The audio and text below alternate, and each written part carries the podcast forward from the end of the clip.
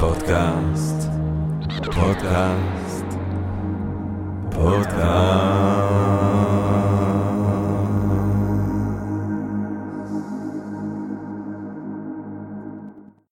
טוב, גבירותיי ורבותיי, ברוכות וברוכים הבאים לפודקאסט של Think and Ring Different, פודקאסט למי שאוהב לחשוב ולשתות. אני ג'רמי פוגל, ואנחנו רוצים להתחיל עם רגע של הודיה לעצם היש, לעצם המציאות, לעצם הקוסמוס, שמאפשר לנו למרות הכל ובהינתן כל אלה, להיפגש כאן למען הרחבת הדעת, העמקת התודעה, גירוי ואולי סיפוק הסקרנות, ומי יודע, רעיון נשגב, מעורר השחאה ככה, פתאום באמצע היום, סתם ככה, בעברית, כולנו ביחד.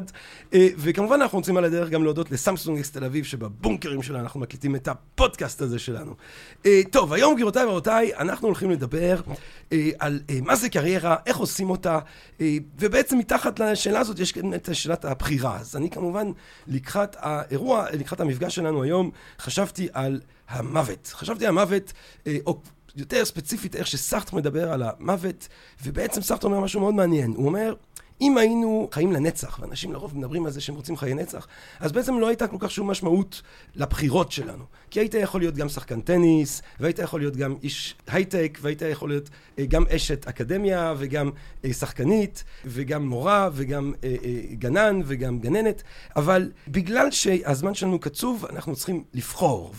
ומשמעות עמוקה מאוד יש בה כמובן בפילוסופיה הקיומית לבחירה הזאת. הקיום קודם למהות, נכון? ככה סארט מגדיר בכלל את הפילוסופיה הקיומית. הקיום קודם למהות, כי באופן שבו אנחנו מקיימים את עצמנו, אנחנו מגדירים את המהות. אין מהות מוגדרת מראש, כמו אצל היוונים העתיקים, אין איזשהו אידיאל שהוא מוכתב מראש בעיני סארטר. אנחנו בבחירות שלנו, בזמן הקצוב הזה של החיים, מגדירים מה זה להיות בן אדם, ובמובנים רבים בתרבות שלנו, השאלה הזאת היא בעצם שאלת הקריירה. אז כדי להבין ולחשוב ולתהות על הדבר הזה, לא יכולנו לייחל לאורחת יותר נכונה למאמץ הזה שלנו היום, להבין מה זה קריירה ועושים אותה יותר נשגבת מפרופסור רחל גלי צינמון, גבירותיי ורבותיי, שאיתנו כאן היום היא פרופסורית מן המניין בבית הספר לחינוך באוניברסיטת תל אביב, המכהנת כדקנית הפקולטה למדעי הרוח. את התואר הראשון שלה היא עשתה באוניברסיטת בר אילן בייעוץ חינוכי ופילוסופיה. את התואר שני היא עשתה בייעוץ והתפתחות קריירה, כאשר היא בעצם היא חקרה ובדקה את האופן שבו אבטלת האב משפיע על התפתחות הקריירה של הילדים שלו. את התואר השלישי היא כתבה על ייחוס חשיבות לתפקידי עבודה במשפחה וקונפליקט בין קריירה בקרב גברים ונשים. היא כיהנה בין השאר כראש החוג לייעוץ חינוכי וחינוך מיוחד באוניברסיטת תל אביב, ראשת החוג לבית הספר לחינוך. כיום פרופסור צינמון חוקרת בתחום ההתפתחות הקריירה את הממשק שבין עבודה ומשפחה תוך התמקדות באוכלוסיות מוחלשות כמו נשים, מיעוטים ואנשים בעלי צרכים מיוחדים. מחקריה בוחנים, מחקריה רבים מאוד, יש לומר, כי אני ראיתי רשימת פרסומים שהיא מהמלחיצות. מחקריה... יש יותר. כן, יש, לא, אז אופס, עכשיו בכלל אני... מחקריה בוחנים את תהליכי הבניית הזהות התעסוקתית וזהות משפחתית, את ההקשרים הסביבתיים המאפשרים ומעודדים בניית תמונת עתיד הכוללת את שילוב של שני התפקידים חיים המשמעותיים אלה, משפחה וקריירה כמובן. פרופסור צינמון גם פרצה את הדרך בחקר האוכלוסייה הצעירה בישראל, גילאי 18-30, והיא נחשבת למומחית בתחום הזה. היא עומדת בראש המעבדה לחקר התפתחות הקריירה באוניברסיטת תל אביב, שבה בעצם מפתחים בין היתר את תהליכי התערבות לייעוץ בקריירה המבוססת או המבוססים תיאוריה ומחקר. בקיצור, יותר טוב מזה, יותר נשגב מזה, יותר מדויק מזה, כדי שנבין ביחד מה זה קריירה. לא יכולנו לייחל, אנחנו מתחגשים, נשמחים ומתגאים שאת כאן איתנו. שלום רב, פרופסור גלי צינמון, שלום רב. שלום רב, ג'רמי. שכחתי להגיד שאני אימא לשלושה, ובת זוג לאחד, ובת, ורצה ריצות ארוכות.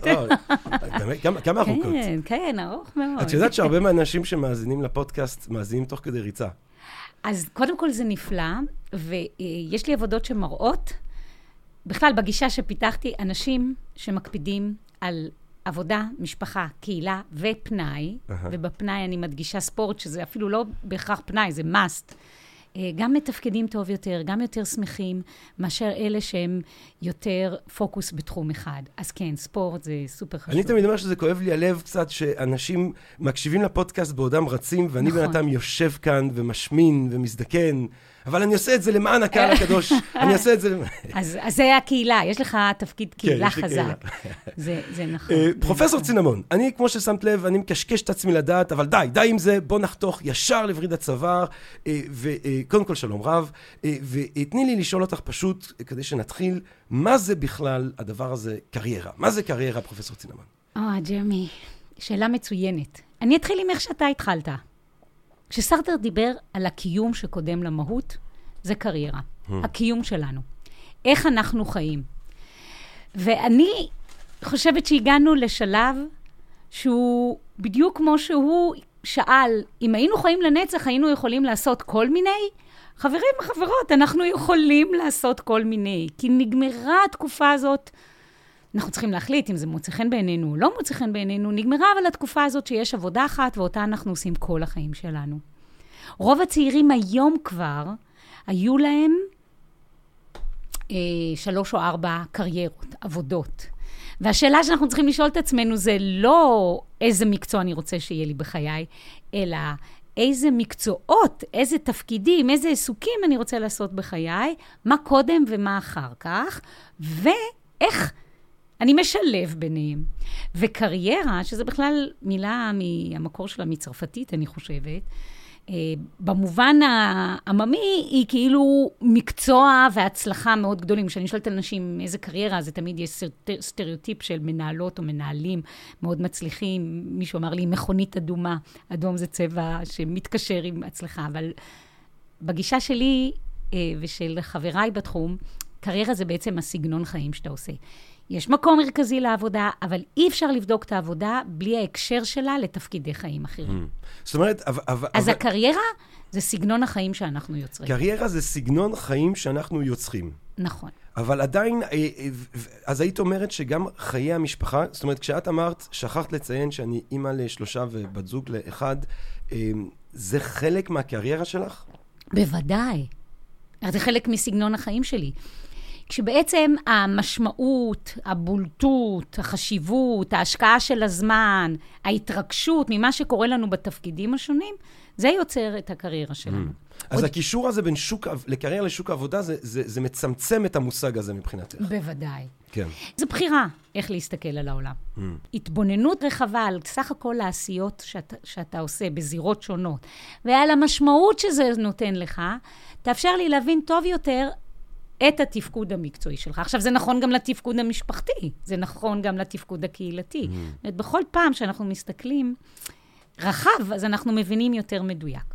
אבל יש פה גם עמדה ערכית, שאומרת, אני לא רוצה לראות אנשים רק דרך משקפיים תעסוקתיות.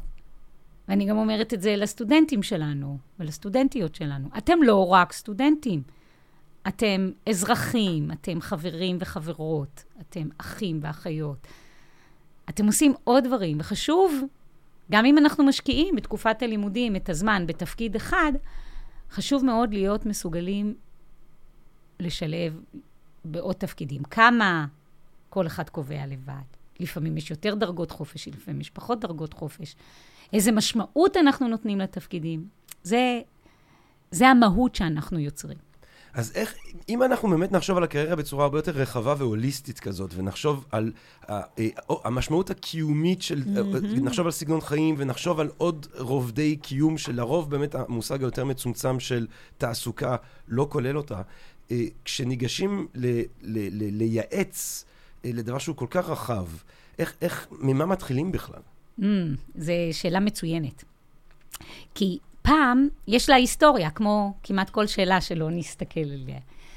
אז התנועה הזאת, שנקראת תנועת ההדרכה בקריירה, מתחילה בראשית המאה בבוסטון, ב-1900, והיא מבוססת על ערך של הכרה בכבוד האדם ובאחריות של החברה לחיים מלאי משמעות לחבריה. בוסטון, בראשית המאה, מכירה בערך האדם ובאחריות של החברה ליצור תנאים שיאפשרו לאזרחים ולאזרחיות ליצור חיים משמעותיים. והם מתמקדים בתחום התעסוקתי, ורוצים לעזור לאנשים למצוא עיסוקים שמתאימים לכישורים שלהם, ובאמת, וליכולות שלהם. ובאמת, הרבה שנים, ועדיין יש הרבה יועצים, שאומרים, בוא ניצור את הפרופיל, בוא נראה מה טוב לך. אתה, יש לך יכולות רדיופוניות מצוינות, אז אתה יכול להיות אה, שדר. אוקיי, אה, אתה גם יכול להיות אה, חוקר, כי זה גם מה שאתה. אתה יכול להיות גם מורה. אז יש לך מגוון רחב של יכולות. ויש לך עוד יכולות שאתה אפילו לא יודע עליהן, כי עוד לא ניסית אותן, לא הייתה לך הזדמנות לתרגל אותן. אז הגישה מתחילה עם הקטע, מבחינה היסטורית, עם הניסיון לאתר יכולות של אנשים ולהתאים מקצוע ליכולות. והיא עובדת הרבה על מדידה. בואו נעשה מבחנים פסיכולוגיים שמודדים, ואנחנו מתפתחים, חלקנו, יש עדיין שנשארים בתחום הזה, וחלקנו מתפתחים לעבר כיוון שאומר, רגע, יכולות מתפתחות בתוך קונטקסט. אם אני אחשוף אותך למוזיקה בגיל צעיר, אז פתאום תפתח יכולות מוזיקליות, אבל אם אני לא אחשוף אותך, אז לא יהיו יכולות מוזיקה. אה, אם אתה יכול להשקיע הרבה שעות, גם ביכולות שכבר זיהינו, אז תגיע להישגים יותר גבוהים ממי שלא תוכל או יוכל להשקיע הרבה שעות. אז אנחנו צריכים לקחת בחשבון גם את הקונטקסט. העניין שיש לך יכולות גם לא אומר שאתה רוצה לממש את כל היכולות שלך. אז פה אנחנו כבר עוברים לשאלה אחרת, ובגישה שלי, במקום להתחיל עם הפרט בזיהוי היכולות, אני דווקא מתחילה עם שאלה רחבה יותר. באיזה חברה אתה רוצה לחיות? Hmm. It's not only you. זה לא רק אתה. ובוא נראה איך העיסוק שלנו קשור לחברה. ואיזה חיים אתה רוצה שיהיו לך, לא רק בתחום התעסוקתי, איזה ערכים אתה רוצה שינחו אותך. Hmm. וכמו סארטר, גם אני אומרת, בניגוד להרבה גישות בתחום, אין לנו ייעוד. ה passion, המושגים האלה, תחפשו את ה passion שלכם, תחפשו את המקומות שיש לכם להט. כביכול יש איזה משהו פנימי, שאנחנו רק נגלה אותו, ואם נגלה אותו יהיו לנו חיים משמעותיים. זה fake news, fake science. מה את אומרת? וואו. אל תחפשו ה passion, את ה passion, אל תחפשו את הייעוד. תיצרו אותו. תיצרו אותו, אני אוהב את זה, אני אוהב את זה. גם אני. תיצרו אותו, ותיצרו כאלה כמה בחיים, כי פתאום קורים לנו דברים, וכמו למשל המלחמה הזאת עכשיו שיש באוקראינה, יש אנשים שמרגישים שעכשיו הייעוד שלהם זה לעזור. כן. ושהם לא חשבו, הם אפילו לא אומרים במונחים של ייעוד, יש הרגשה שאי אפשר לתת לעולם הזה להמשיך להיות בחוסר סולידריות, ואנחנו עדים לזה שאנשים קמים ולבד יוצרים משלחות זאת אומרת, אל תיפלו קורבן לנרטיב או להבניה שבו אתה, אני, הייעוד שלי זה איקס, וגם עם, עם השנים הכל משתנה והלב כבר במקום אחר, אה, לא להיתקע על האיקס הזה. ממש ככה. אתה יודע מה החלום שלי? אה? שבבתי ספר, כשמסיימים תיכון, המורות והמורים ייתנו לתלמידות ולתלמידים את התעודה ויגידו, אנחנו מצטערים שזה מה שיכולנו לתת לך, או לך. כי אין לנו ספק שאם הייתם לומדים בתנאים יותר טובים, בכיתות יותר קטנות, עם מורים אחרים, ובחוויה ובשיטות אחרות, הייתם מצליחים להגיע להישגים יותר טובים. ועם התקווה הזאת, שבתנאים אחרים אני יכול להיות דברים אחרים, אנחנו בעצם שולחים את הצעירים להגיד, בוא'נה, העתיד עוד פתוח לעוד המון דברים אחרים. תעשו את זה. Hmm. התיכון לא קובע עליכם. Hmm. התיכון מעיד, כמו הרבה הישגים אקדמיים, בעיקר על ההזדמנויות שהיו לכם ועל מה שעשיתם עם ההזדמנויות האלה. אבל אם תיצרו לעצמכם הזדמנויות אחרות ותגיבו באופן אחר לתנאי הסביבה, תוכלו להיות גם אנשים אחרים. Hmm. אז, אז הייתי רוצה שהם יצאו מהתיכון עם ההרגשה של, וואו, אנחנו יכולים להיות מלא דברים. חופש. אנחנו יכולים להיות מראה דברים, וזה קשה, זה מלחיץ, וואו, mm. אז מה לבחור? אז כאן גם באה העזרה שאומרת, תקשיבו, מה לבחור קודם ומה אחר כך. יש דברים שאני רוצה לעשות אותם, או רוצה לעשות אותם בגיל יותר צעיר, ויש דברים שנורא רוצה לעשות אותם, אפשר לעשות אותם בגיל יותר מבוגר. את יכולה לתת דוגמאות ל... ל... Uh, למשל, אנשים שמתלבטים, אם הם רוצים uh, ללמוד... Uh, אני בכוונה, בגלל שאני כרגע עומדת כדיקנית של מדעי הרוח, אני לא רוצה לדחוף למדעי הרוח, למרות שאני חושבת שזה בסיס מצוין. אבל למשל, אם מישהו רוצה ללמוד אה, תחומים טכנולוגיים ופסיכולוגיה, והוא מתלבט פה ושם, אז הייתי אומרת, רגע, מה יהיה לך קל יותר, או לך יהיה קל יותר ללמוד בגיל 40? Hmm. הנדסת מחשבים או פסיכולוגיה? תחשבי, תתכננו את העתיד. אז יכול להיות שלפי התכנון הזה יהיה נכון יותר להתחיל בטכנולוגיות, כי גם אורח החיי, חיי המדף של התחום הזה הוא קצר יותר. ולפסיכולוגיה אני אגיע בשלב השני, אה, או אגיע בשלב השני כשאני אהיה יותר בשל או בשלה, יהיה לי יותר ניסיון חיים, וצברתי גם מספיק הון בהייטק, כי בפסיכולוגיה לפחות בהתחלה, מבחינה, השיקול הכלכלי הוא משמעותי, אז אני כבר מגיעה או מגיעה עם יותר כסף. אז זו mm. דוגמה של כשאני מת, מתלבט בין פסיכולוגיה למחשבים, אני אומר, רגע, אני לא מוותר. Mm. אני רק עושה אותם, אני עושה אותם בסדר אחר. החיים שלנו היום, כשאת את, את, את באה לצעירה או לצעיר שמנסה לחשוב אה, קדימה, זאת אומרת, את לא צריכה לחשוב על מסלול אחד, את לא צריכה לחשוב שהתואר הראשון הוא גזר דין מוות לכל שאר השאיפות. ממש לא, ממש לא. הבחירה הכי משמעותית בעיניי היא הבחירה הזוגית. Hmm. כי ההשלכות של הטעות בה, הן יותר כבדות. הן יותר כבדות. ולצערי, הרבה אנשים משקיעים בתחום המקצועי הרבה יותר מחשבה מאשר בבחירה הזוגית. אבל שנייה, כיועצת קריירה זה גם משהו שאת נוגעת בו? בוודאי. מה זאת אומרת? בוודאי, כי למשל, אנשים שיש להם זוגיות, uh-huh. אז, והיא טובה, אז יש להם הרבה משאבי תמיכה, שהם מאוד עוזרים להם בלימודים. Hmm. הם גם לוקחים זמן, שזה משאב מאוד יקר, אבל יש להם גם במי להיעזר, במי לשתף, יש פרופורציות. אבל שנייה, פרופסור צינמון, אה, את חושבת, זה ממקומו של יועצת או יועץ קריירה להציע, לשקול מחדש? לא, לא, לא. לא להציע לשקול מחדש. לא, לא, אנחנו לא... במודלים שאנחנו מפתחים, אנחנו לא אומרים לאנשים מה לבחור. כן. אנחנו מציגים שאלות שעוזרות לאנשים להחליט, וגם מציגים גישה. מעניין. למשל, אם הגישה היא התפתחותית, אז אומרים, רגע, תחשבו לא רק על השלוש שנים של הלימודים האקדמיים לתואר ראשון או ארבע, קחו את ה-lifespan, קחו את מרחב החיים שלכם. אתה התחלת עם מינו חיים לכל החיים. על מה? אתה באת לזמן מוגבל, איזה דברים היית רוצה לעשות? לא היית רוצה להיפרד מהעולם הזה בלי לעשות אותם. באיזה שדות או תחומים? אתה אומר, רגע, בא לי 86 שנה בממוצע, 87, זה גם תלוי מיצב כלכלי, כמה אורח החיים, אז איזה דברים הייתי רוצה לעשות בחיים? אנחנו לא רוצים לעשות רק בתחום התעסוקתי, גם במשפחתי, גם. אז צריך לקחת גם את זה בחשבון. את ההתפתחות, מה קודם ומה אחר כך. וגם איך אנחנו תופסים את היכולות שלנו כמשהו שנולדנו איתו ואי אפשר לשנות אותו, כקישור שהוא מתפתח. אז הייעוץ עובד על התפיסות האלה. Hmm. וגם הגישה הזאת, הגישה ש, שפיתחתי, שהיא התפתחותית, הקשרית ורחבה, היא אומרת, קחו בחשבון שאנחנו מתפתחים לקראת הבחירות מלידה עד מוות, אז להירגע, יש עוד המון זמן. זה לא... זה בחירות חשובות, הן מעצבות, אבל יש דרך לתקן, לשנות. הבחירה מתחילה כשמקבלים אותה.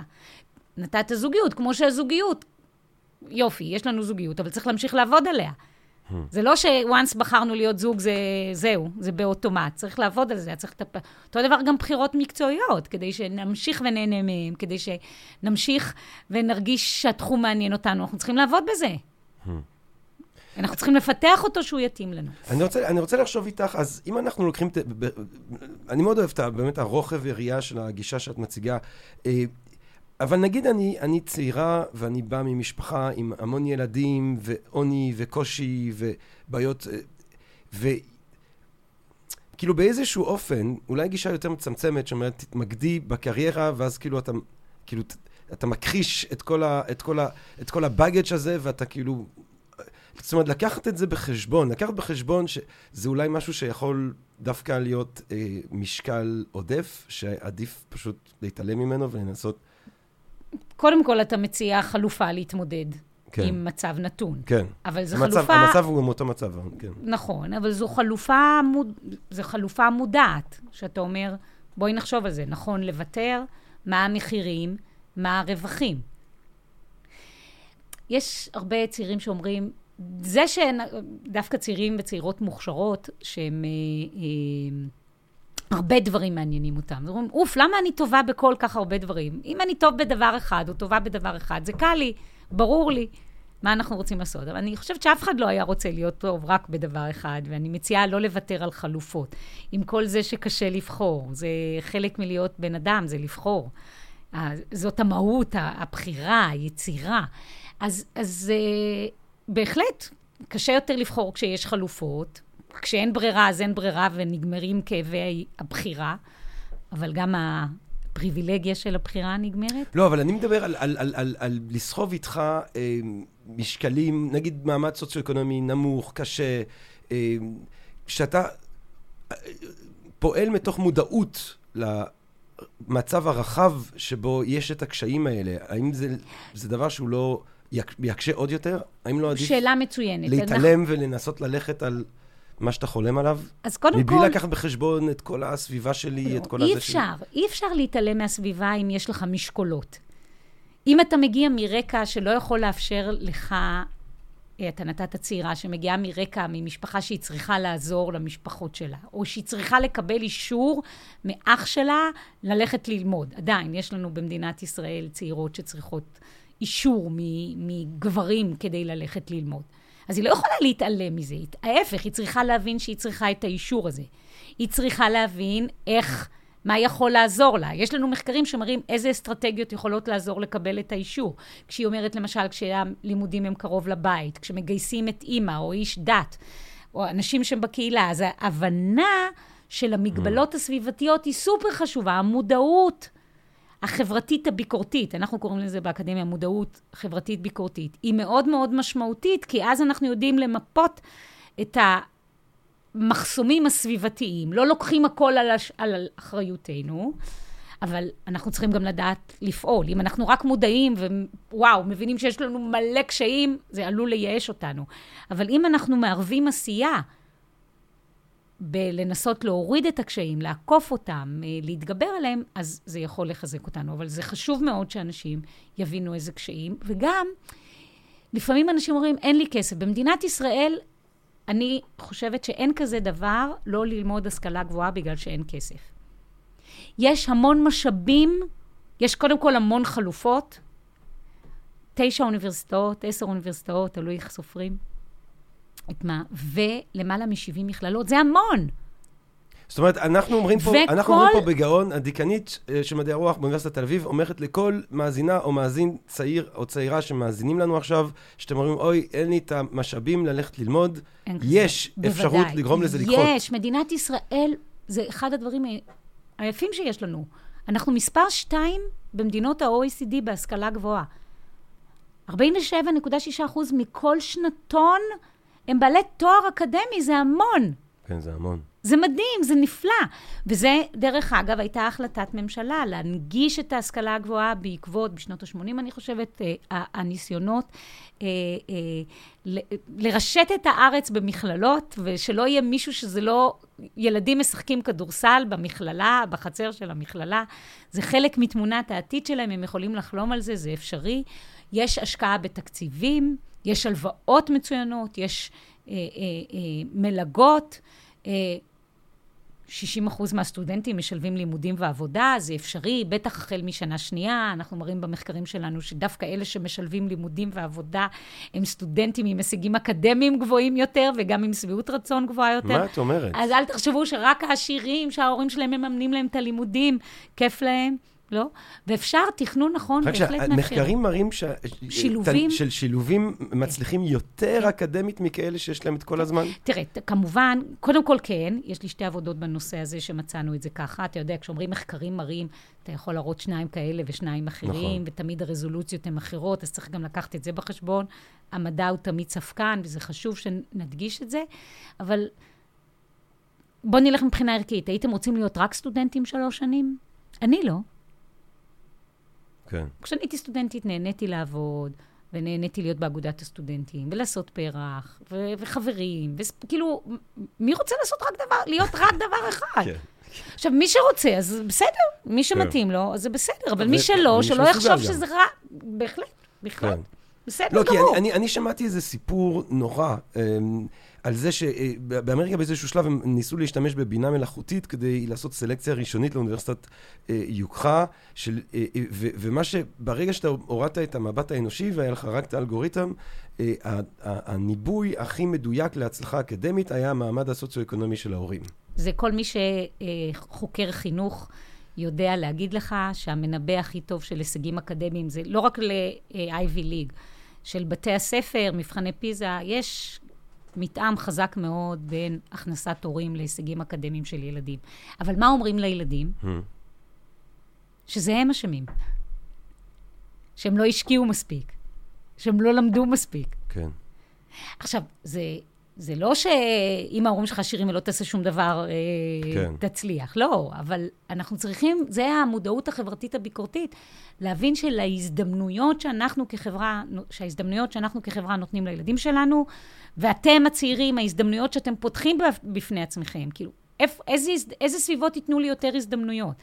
איזה אוניברסיטה תיתן לי יותר הזדמנויות לחוות מה שאני הייתי רוצה שיחוות, להיות מה? נסיעות, אה, התנסויות בתעשייה, אה, לימודים, ללמוד רק את התחום הזה עם האנשים הכי טובים. מה חשוב לי, מה השיקולים שחשובים לי, ואיזה סביבה תאפשר לי את ההתנסויות האלה.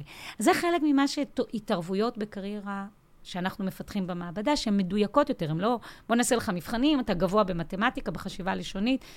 אנחנו גם רואים את זה באופן מאוד מפתיע במבחני בגרות שלך, אז אה, בוא תלך לה- להנדסה. זה, אני טוענת שזה גישות אה, לא הומניסטיות ופחות רלוונטיות. ממש. לא, עכשיו, עכשיו שאת שמה את זה בהקשר הרחב האנושי הכללי יותר, אז באמת אתה אומר, מה, אנחנו מתעסקים כאילו ב, בנתו, ב, ב, בצד מאוד אה, מצומצם של החוויה האנושית. ממש. כן. וגם לא לוקחים בחשבון את הקונטקסט שבהם אנשים מתפתחים, את כן. ההקשר החברתי, הכלכלי, הפוליטי שבו אנחנו מתפתחים. זאת אומרת, אתה... עכשיו... זה פשוט דורש המון משאבים, מה שאת מדברת עליו. לעומת, כאילו, תן לי כמה מבחנים, ואני אגיד לך, אתה, נכון. אני, אתה תהיה במכונאות, ואתה תהיה בקולנוע, ו... ממש ככה. כאילו, זה דורש ממש בן אדם שיקשיב. ככה. ו... ממש. כן. וזה גם דורש מהצעיר, אפרופו מי יש לו כוח, ומהצעירה, להחליט ולבחור, כי זה... אני, הרבה פעמים כשאנשים מגיעים למעבדה או לקליניקה והם שואלים, אה, אני אומרת מראש, אם אתם מצפים שאני אעביר איזה scanning ואגיד לך, המכונה מראה שאתה כך וככה, אז אה, יש כאלה שעושים את זה. אני לא, בגישה שלנו לא עובדת ככה. מעניין. הגישה שלנו דורשת, אפרופו סארטר, את יצירת המהות מתוך בחירה והעדפה ערכית, אידיאולוגית, אה, אה, הבנה שאני בוחר, ושהבחירה מתחילה ברגע שאני עושה אותה.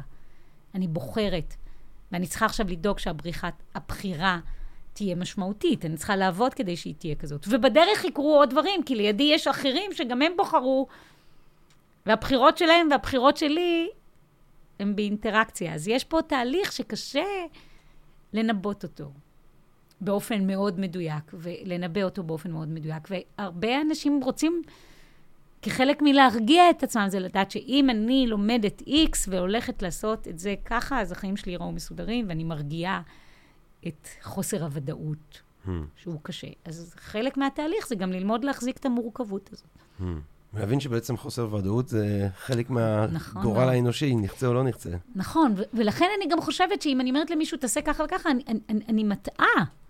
אני לוקחת אחריות על לעצב אותו לפי איך שאני קבעתי באותו רגע, לפי מבחנים כן. שמורכבים. אמ, אני רוצה, את- מרבה לעסוק אה, בעני- בשאלה המגדרית סביב הקונפליקט אה, משפחה, אה. נכון. בוא, בוא ניגע ב, ב, בנושא הזה. אני גם, אני גם יודע, אני, תראה, אנחנו, אני יודע, גם נגיד באמת ספציפית באקדמיה, שיש לי ידידות שמדברות אמצע שנות ה-30, והן ממש מדברות בכאב על האופן שבו אה, במעבדה מתייחסים ככה באיזשהו סוג של מבט אה, עוין לרעיון של הריון, ואחר כך עם כל זה שבדור שלנו לכאורה הדברים מתאזנים בתכלס בסוף כשמגיע התינוקי, אז הרבה פעמים דברים לא מאוזנים כמו שהם היו, גם אם הבן זוג הבטיח שיהיה וכולי וכולי. איפ, איפה זה, איפה זה, מה, אה, זה, זה, זה הנושא החביב עליי, אה, גם הנושא הזה. אז קודם כל, אני לא מתעסקת רק עם הקונפליקט, אני מתעסקת עם יחסי עבודה-משפחה. ויחסי עבודה-משפחה לאורך החיים, זאת אומרת, אנחנו מתחילים בילדות, אנחנו לומדים על עולם העבודה מהמשפחה שלנו, מהמקצועות של ההורים. אנחנו לומדים מהיגדים, אתה יודע, משפטים שבאים הביתה, אוף, איזה יום היה לי, או איזה יום מדהים היה לי, איך אני אוהבת את העבודה שלי. הילדים מתחילים, האתוס, העבודה משחררת. זה, יש פה קונוטציות וכיבוש העבודה במדינת ישראל. כל עם וכל תרבות יש לה אה, אה, אה, את האמירות שלה בנוגע לעבודה. כשהורים עובדים מאוד מאוד קשה, אז ההורות שלהם עם הרבה שעות, מאוד קשה גם פיזית וגם מבחינת שעות, אז הם מגיעים הביתה להורות עם יכולות נמוכות יותר. ואז ההורות מתעצבת. זה דוגמאות ליחסי עבודה-משפחה בגיל הצעיר. איך בגיל צעיר אנחנו לומדים מהבית על העבודה. אה, ואחר כך, הנושא, גם בתור מתבגרים, חלקנו לא מעט. דרך אגב, מתבגרים עובדים ומקבלים תפיסות על עולם העבודה, דווקא דרך ניצול, לא תמיד הוגנות, עבודה של בני נוער, בדרך כלל בשירותים, אבל מתחילים לקבל מושג גם על עבודה, גם על התנהלות של כסף, גם איך לנהל תפקידים, כמה... אה, אה, להשקיע בלימודים, כמה להשקיע בעבודה, חלקם בספורט הישגי, חלקם אה, מדריכים ומדריכות בתנועות נוער, זה גם סוג של...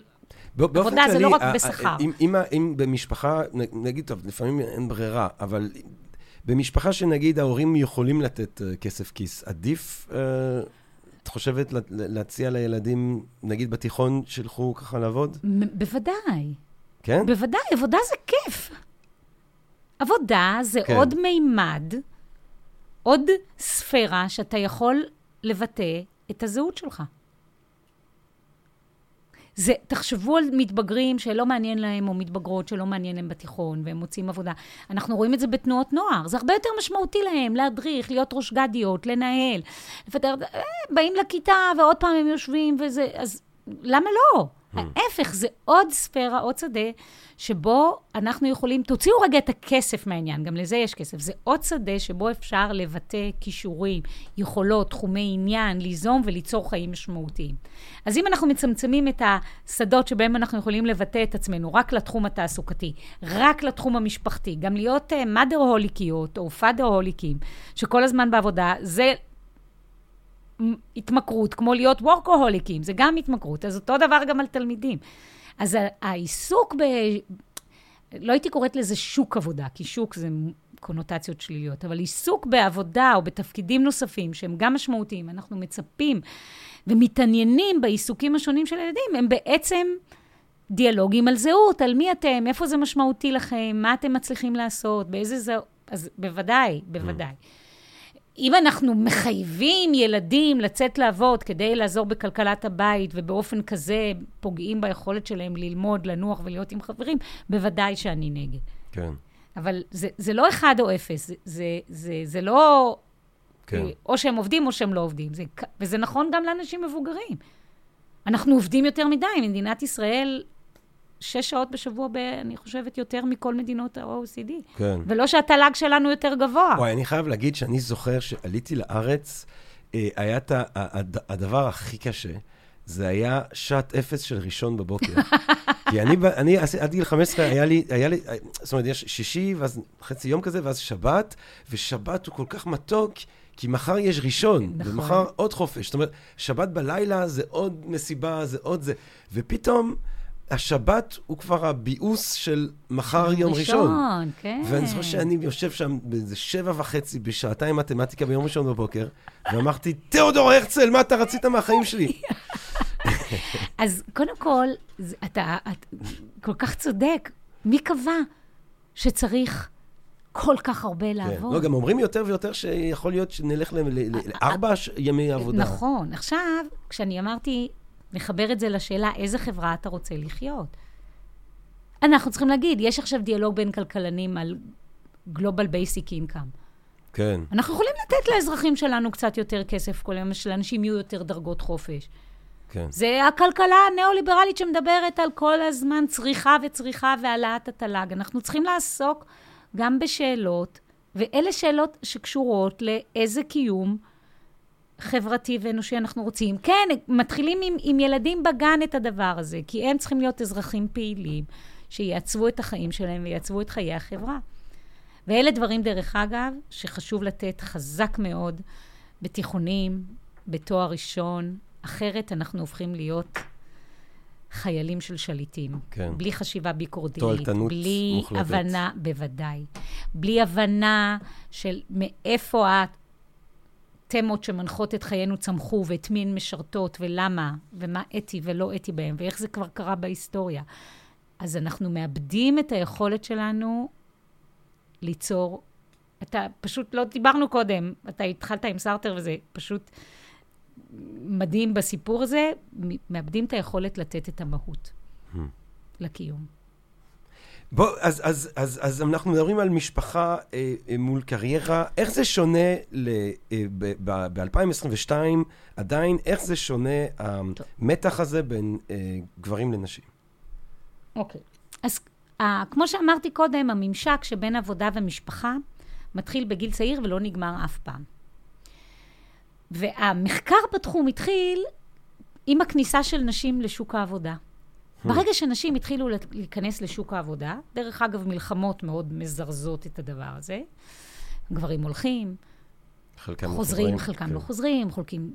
אנחנו צריכות להיכנס לשוק העבודה, אז מתערערת חלוקת התפקידים המסורתית. אבל שאז בארץ, עם כל המלחמות שהיו פה, אז יש, אולי היו יותר נשים בשוק העבודה מבמקומות אחרים? אה, לא, לא בגלל המלחמות, ויש גם כמה עבודות שתוהות אה, האם באמת הקיבוצים היו שוויוניים בסיפור הזה mm. יותר, ואז כמו כל העולם, אה, השבירה של נורמות מסורתיות היא לא פשוטה. כן. כל תהליך של התפתחות באופן טבעי גורר אחריו התנגדות של השלב הקודם, הרבה פעמים גם בגלל שקודם כל נותנים בולטות לערכים אחרים, פתאום ערכים של שוויון, עולים, ערכים של מסורתיות משתנים, אנחנו צריכים להגדיר מסורתיות אחרת. אז הכניסה של נשים לשוק העבודה, מה שגרר פחות זמן של אימהות בתוך תפקידי הבית, הובילה באמת להתעניינות מחקרית בממשק הזה, ובהתחלה היא התמקדה בקונפליקט. והראו שהקונפליקט, כשזה מתנגש, כשאנשים, גם גברים וגם נשים, לא מצליחים לעשות את, העב... את המטלות בבית או בעבודה בגלל התפקיד השני, זה גורם למתח, זה גורם לתחושה של שחיקה, לתפקוד נמוך. התחילו לראות איך מורידים את זה. איך גורמים לירידה אה, אה, ברמת הקונפליקט בין התפקידים. זה מאוד מעניין. שנים טענו שצריך להיות הבדל בין גברים לנשים ברמת הקונפליקט. וזה לא ככה. אין, גם גברים וגם נשים מדווחים על רמות דומות של קונפליקט בין התפקידים. מה שכן אנחנו יודעים, שנשים עדיין, גם כשהן מרוויחות יותר מהגברים, מבני הזוג שלהן, הן משקיעות יותר בתפקידי הבית. Hmm. זאת אומרת, כולם יכולים להרגיש רמה דומה, זו חוויה סובייקטיבית של קונפליקט, אבל מי שבפועל גם עובדת בבית וגם עובדת בחוץ, יותר שעות. זאת אומרת, יש נטל יותר גדול. גדול עדיין על נשים, ואנחנו, יחד עם זאת, אנחנו רואים במגזרים מסוימים, לא אצל כולם, שיש דיבור וחשיבה על חלוקת תפקידים יותר שוויונית. שהיא לא כוללת רק את בן הזוג, שהיא כוללת גם ילדים, דרך אגב.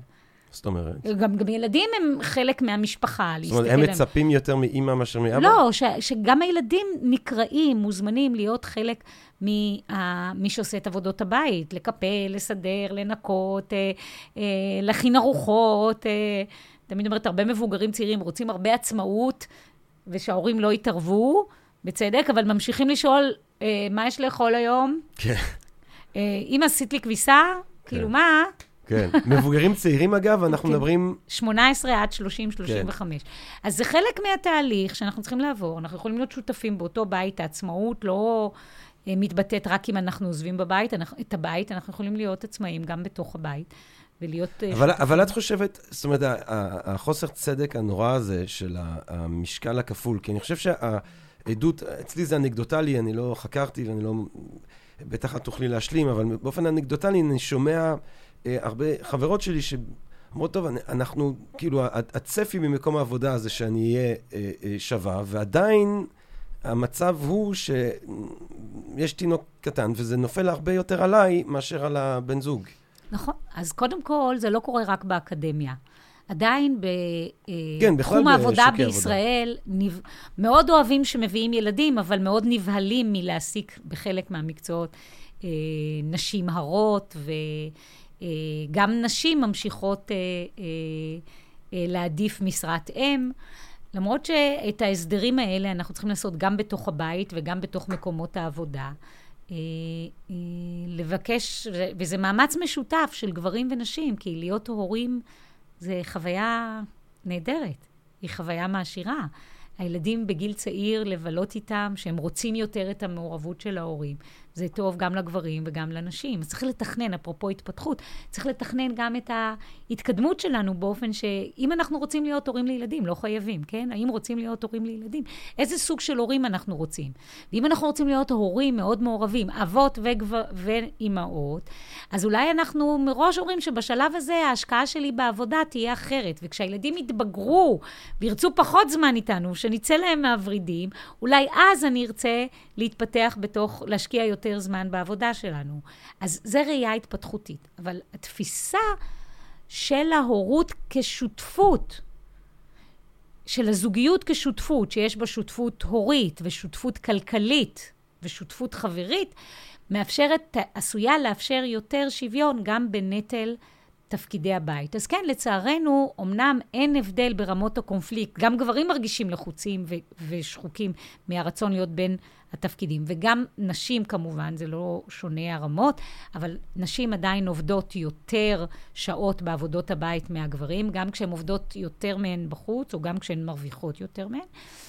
ומקומות העבודה אה, מאוד דואגים מאישה בהיריון, ולא דואגים מגבר שאשתו בהיריון. אז מה את מייעצת למישהי שמגיעה לקליניקה, או מה, מה, איך אפשר, איך, איך מתמודדים עם הדבר הזה? אז אנחנו עובדות הרבה בתוכניות במעבדה, אה, על תוכניות חינוכיות, לדבר עם מתבגרים ומתבגרות בגיל ההתבגרות על הדברים האלה, לא רק על אה, ערך של שוויון, על משמעות של הורות מעורבת, מה קורה גם לגברים שהתפקיד העיקרי שלהם הוא להיות המפרנסים? זה גם יוצר המון לחץ. Mm. אבל אם אני לא רק המפרנס, אני והבת זוג שלי מפרנסים, ואני והבת זוג שלי הורים, אז גדלים דרגות החופש של עיסוקים שאני יכול לקחת אותם בחשבון. זה הולך לכל הכיוונים, הגישה השוויונית. אז אנחנו מדברות על, על היכול, קודם כל, על ההכרה ב, אה, אה, בנושא הזה של אה, מודעות חברתית לסוגיות של מגדר ואי שוויון, היא הכרה מאוד מאוד חשובה, ועל הצורך לסמן את היעד הראוי מתוך דיאלוג ושותפות. לדבר עם המשפחות שלנו, עם החברים שלנו, עם הבני בנות זוג שלנו, אה, לשחרר תפיסות מסורתיות שלנו. אם אני כאימא חושבת שהאחריות להכין את ארוחת שישי עכשיו היא רק עליי, mm. אז זה מאוד קשה. אבל אם אני יכולה להגיד, אה, שישי הזה אתם, כי אני, הנה, אני מקליטה פה זה, אז בבקשה, אתם, אה, מי עושה את הארוחה? או מגיעים ומגישים קפה ועוגה, חברים, ועדיין תהיה ארוחה משפחתית משמעותית. Mm. תביאו איתכם. על איך אנחנו מגמישים את ה... ההגדרה אה, אה, הזאת של מה זה אימא טובה, מה זה אבא טוב, mm. ורואים רמות שונות ובתקופות שונות, אז זה מאוד עוזר. אבל יחסי עבודה-משפחה הם לא רק קונפליקטואליים, הם גם מעשירים. זאת אומרת? בזכות המשפחה והמקום שיש לך במשפחה, או לך במשפחה, את גם מצליחה פעמים רבות לעשות טוב יותר את התפקיד בעבודה, כי יש תמיכה, ויש הערכה, ויש גב שעוזר. בזכות העבודה את גם המון פעמים אימא יותר טובה, כי את מפרנסת יותר טובה, ואת מגיעה עם הרבה יותר תחומי עניין ותחושת משמעות. יש לך יותר אה, אה, שביעות רצון מעצמך. אז התחומים האלה הם לא רק מתנגשים, הם גם מעשירים אחד את השני. Mm. והשאלה היא באמת, איך אנחנו יוצרים, איך אנחנו יוצרים איזון, שזה... וזאת שאלה גדולה גם מה זה איזון. זה האם זה קונפליקט נמוך והעשרה גבוהה? אה, האם זה קונפליקט והשערה שמבטלים אחד את השני? למה אנחנו קוראים איזון ביניהם? אז אה, אה, באמת התחלתי את המחקר בתחום כשאני מתמקדת בקונפליקט, היום אני מתמקדת בשאלת האיזון. וזה בא לידי ביטוי גם בגלל ההתפתחות האישית שלי. התחלתי כאימא צעירה, ועכשיו החיים קצת יותר הגידול של הילדים, יש לו אופי אחר. יש לנו שלושה ילדים שהם מבוגרים צעירים, אז זה אופי קצת אחר, אבל זה אתגרים אחרים. ו... את, את כ- כאימא צעירה חווית את זה וואו. בעצמך כקונפליקט. כן, קראתי לעצמי אלמנת הייטק. אה, מאוד, חקרתי את זה, כן, כי בן הזוג שלי... בנושא, כן, וזה כולם, כן, באטרף, כולם, אתם יודעים, באטיק יש הרגשה של אוטוטו, אוטוטו מנפיקים, אוטוטו עושים, אוטוטו כן. זה קורה, ורכבת הרים מטורפת, ו... וואו, זה, ו... וכולם, ואני, גם לי הייתה קריירה ועבודה משלי. ואו-טו-טו הקביעות, אוטוטו הכל לחוץ, וזה נכון בכל התחומים. תמיד יש לחץ תעסוקתי, תמיד מקומות העבודה הם ב emergency, רוב מקומות העבודה, והם רוצים... אבל, אבל זה לא באמת, זה, האם עם השנים אנחנו פשוט מבינים שהלחץ הוא מתמיד, ובגלל זה גם יודעים לקחת ממנו מרחק, או באמת יש יותר לחץ בשלבים ראשונים בקריירה מאשר אחר כך? אז זה תמיד גם בידיים שלנו. אנחנו לא חסרי כוחות אל מול הכוחות, השוק אה, אה, וככה זה השוק. השוק, אנחנו רואים את זה עכשיו, שוק ששומע מהרבה אנשים, סורי, אני רוצה גם גמישות. נדרש להגיב לזה. כן, אבל, אבל גם אובייקטיבית, נגיד פרופסור צינמון הצעירה, כשהיא דוקטור צינמון, והיא מילדים צעירים, והיא לפני עקביות באוניברסיטה, ופרופסור צינמון, שהיא כבר עם ילדים יותר מבוגרים, ואחרי עקביות, אובייקטיבית, הפרופסור, דוקטור צינמון הצעירה, היא, היא, היא ביותר לחץ מפרופסור צינמון היותר, או שלא, או שזה הכל מצב... הלחץ משתנה לצערי, אבל כן, אה, הלחץ לקראת קביעות, הלחץ לקראת uh, שישאירו אותך במקום העבודה, הוא מחייב גם אסטרטגיות התמודדות. אז אסטרטגיה אחת יכולה להיות לאבד את עצמך לדעת. אסטרטגיה שנייה יכולה להיות, אוקיי, מה אני עושה עוד אם זה לא מצליח? מה יהיה פלן B ומה יהיה פלן C? ובכלל, אתם יודעים מה, אני רוצה אתכם בכלל ככה, אם זה כל החיים. Hmm. Uh, שזה גם uh, משהו שאני מנסה גם להגיד, אנשים בוחרים, הבחירות, אנחנו אני אומרת את זה לחוקרים הצעירים שלנו, אתם העתיד שלנו. אנחנו צריכים שתרצו להישאר באקדמיה. אנחנו צריכים לרצות את האקדמיה שהיא תהיה עם חוקרים שהם מאזנים בין עבודה כן. למשפחה. וזה נכון לכל, לכל ארגון, התחומים. לכל כן. תחום, ולכן גם יש את כל מה שנקרא Family Friendly Policy. וגם אנחנו כחברה, אנחנו רוצים חברה של אנשים שהם עובדים ומאבדים את עצמם לדעת בעבודה, או שאנחנו רוצים עובדים יצירתיים, שהם אזרחים טובים, שנעים להם, שמחויבים. אז זה שאלות ש, ש, שבאמת במדעי הרוח אנחנו לומדים... אה, אה, זה, זה, זה התחום שלי הוא לכאורה פסיכולוגי, פסיכולוגיה תעסוקתית, אבל הוא חינוך, ובמהות זה שאלות של ערכים ואתיקה חברתית. Hmm. זה ממש פילוסופיה. אתה התחלת עם סארטר, ולפעמים אני מביאה אותו גם בקורסים שלי, אבל לא דיברנו קודם, אז זה כן, באמת. שאלות... לא. בדיוק. אמ, אני רוצה, אני רוצה שנדבר על, על, על, על המשמעות של, של מדעי הרוח, כי אני כן רוצה אה, לנצל את הניסיון שלך ואת ההבנה שלך ואת ההסתכלות הרוחבית שלך, גם כמומחית בקריירה וגם כדיקנית אה, לפקולטה, אבל, אבל אולי לפני זה, וגם זה כמובן קשור, אה, בכל זאת, שנייה להתמקד בשאלה של שוק העבודה היום. כמו שאת אומרת, שיש בו איזה חוסר יציבות כזאת. פעם אנשים היו עובדים. מה עושה אבא? הוא עובד ב-X. מה עושה אמא? היא עובדת במשחד הזה, ואתה עושה שם את ה-40 שנה. נכון. אה, ויש תחושה היום גם שהדבר הזה כבר ממש לא קורה, וגם שיש כל מיני תחומים שכל רגע הם uh, יקרסו. סתם אני... יש להם חיי מדף קצרים, אנחנו אומרים. אתמול בדיוק אני ראיתי שיכול להיות שעם האוטומטיזציה של uh, uh, משאיות בארצות הברית, 500 אלף איש יאבדו את ה... את, ה, את העיסוק שלהם כנהגים וכולי וכולי. אז הטכנולוגיה שמחליפה. ממש. אז איך, איך את חושבת על, על ה... הלכת לנהגי משאיות, ג'רמי, אבל זה נכון גם לרופאים אורתופדיים, דרך אגב, שאני יודעת מ... מ, מ חבר, חתן של חברה טובה, שהוא בחר להיות אורתופד כי הוא אוהב לנתח בידיים, ועכשיו הוא שומע, הוא מבלה את זמנו בהשתלמויות להפעיל את הרובוט מרחוק, שזה לא מה שהוא בחר, זה מה שהוא רצה, שעושה אורתופד, שהאורתופדיה, מעניין. המקצוע של הניתוח הולך ונתפס. אז על ידי אה, האוטומציה תופסת גם את זה. אז כן, אנחנו חיים בשוק עבודה אה, משתנה, דינמי, לא בטוח, ופה חוברים להם ביחד, כוחות שונים שמעצבים אותו, החינוך, אה, מדיניות כלכלית, אידיאולוגיות פוליטיות ודתיות. אה, ולנו, לאזרחים, יש תפקיד מאוד משמעותי, לא להגיד, טוב, שהם יחליטו. לכן אני חוזרת לשאלה, איזה חברה אנחנו רוצים לחיות? יש מספיק כסף ל global basic income. יש מספיק כסף, זו שאלה של תעדוף. כמו שאמרו במשבר זה הפעם השנייה שאת האקלים, אומרת, את, את, את אה, עומדת מאחורי העניין, הרעיון הזה של ה global. כמו שבמשבר האקלים, בוועידה האחרונה בגלסגו אמרו, יש מספיק מים, אני לא מומחית בתחום, אני חוזרת על מה ששמעתי, אז יכול להיות, יש מספיק מים לכל העולם. אנחנו יכולים לפתור את הבעיות האלה. כן. האם אנחנו סולידריים מספיק? האם אנחנו אה, אה, מבינים את המורכבות של אי-הסולידריות שלנו? לאן אנחנו רוצים ללכת עם הנושא הזה? הדיונים האלה הם נכונים גם לשוק העבודה.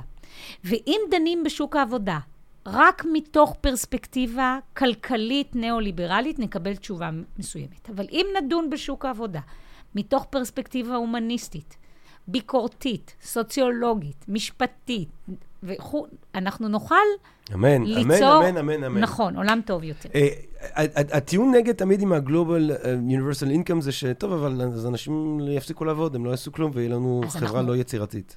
לא אז יצרנית. אנחנו חוזרים יצירתית. לשאלה בסיסית אחרת, איך אנחנו תופסים את טבע האדם? האם הוא עצלן? במהותו? Hmm. האם תקופות של חוסר לחץ בהכרח אה, מביאות לניוון? אבל יש עבודות, יש עבודות מסוימות שהן נורא מבאסות. שאת את רוב העבודות המבאסות, דרך אגב, מכונות תופסות. דווקא את העבודות כן. המבאסות, הא- האוטומציה הולכת ו... אולי פשוט צריך לשלם עליהם הרבה הרבה הרבה יותר כסף. זה נכון, אבל אלה ייפתרו. פה אתה חוזר לשאלה אחרת, שאנשים שכשמדברים על, על לספק תנאים בסיסיים, אז אנשים כאילו, אם לא תהיה תחרות, ואם לא יהיה לחץ על האנשים, ואם לא יהיה איום, אנשים לא יזוזו. לא בהכרח. לא בהכרח. כן. זה גם לא מוסרי.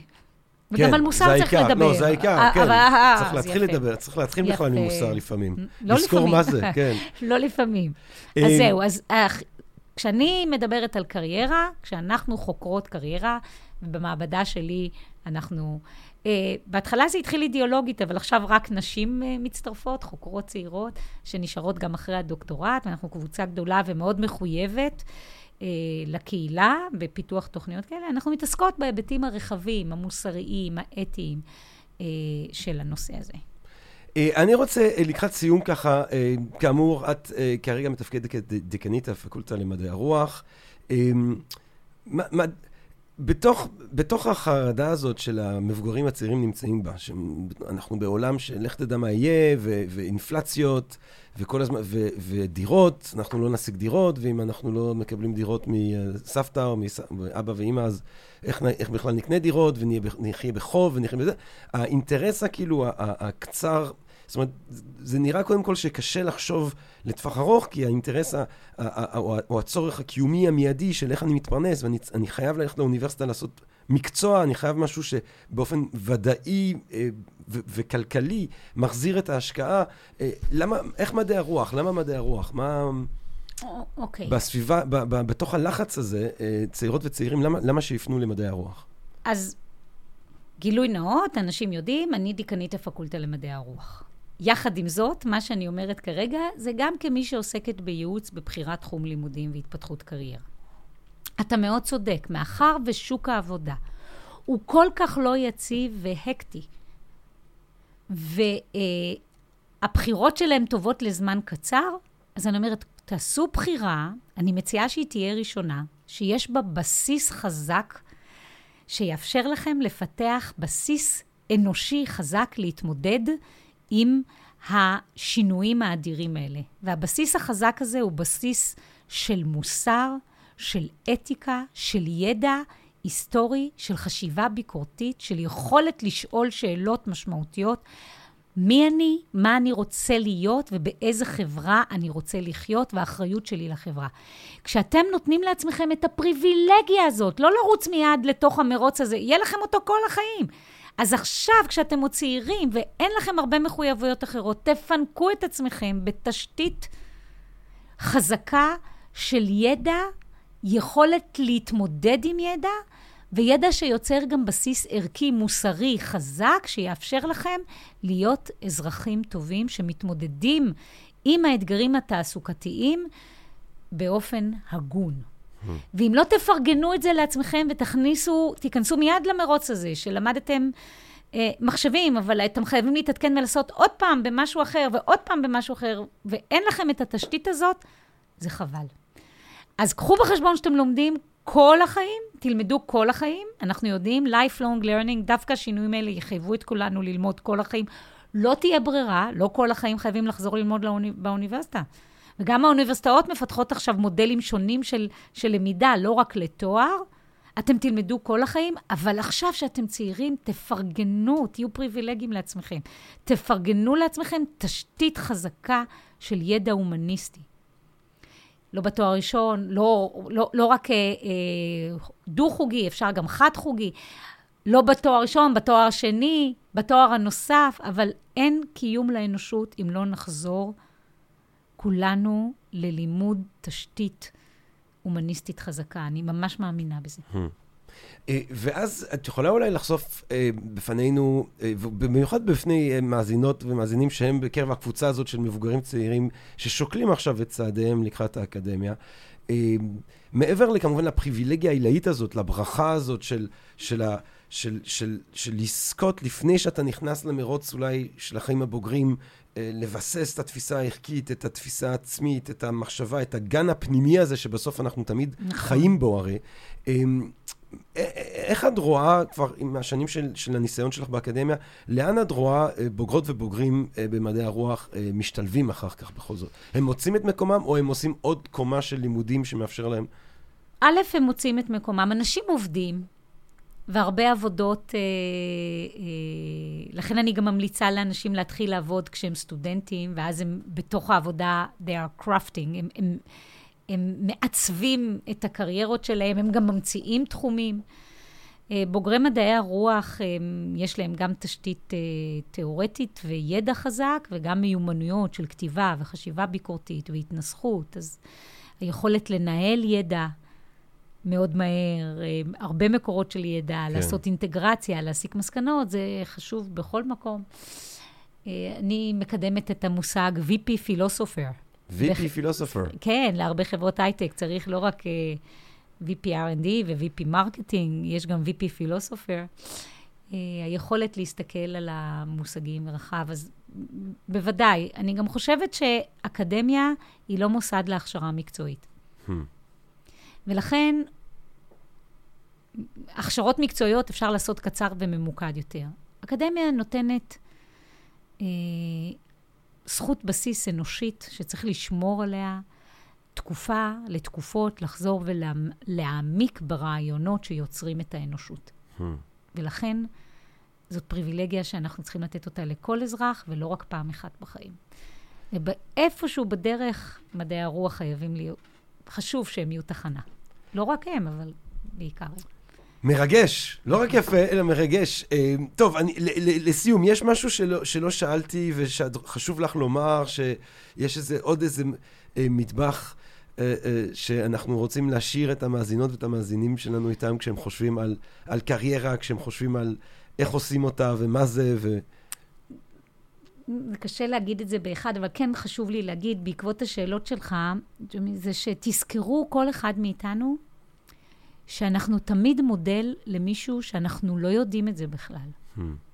תמיד מסתכלים על איך אנחנו מתנהגים. ולבחירות שלנו יש אפקט לא רק על החיים שלנו, אלא על החברה שלנו. לכל בחירה, לכל התנהגות שלנו, יש אפקט על החברה שלנו.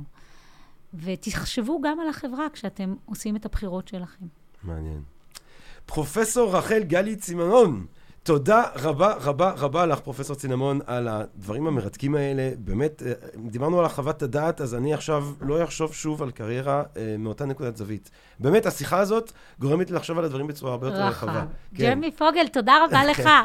ואנחנו רוצים להודות לכם, לקד... לקהל הקדוש שלנו, על ההאזנה שלכם. מקווה מאוד שנהנתם מהפרק הזה, מהפרקים שכבר הקלטנו, מאלה שבעזרת השם נמשיך ונקליט אה, להבא. ומה אני אגיד לכם בינתיים? אה, רק בריאות, אה, רק, אה, אה, רק חשיבה רחבה כזאת, גם על הקריירה ובכלל, אה, ואהבה רבה, ונשתמע. פודקאסט, פודקאסט, פודקאסט.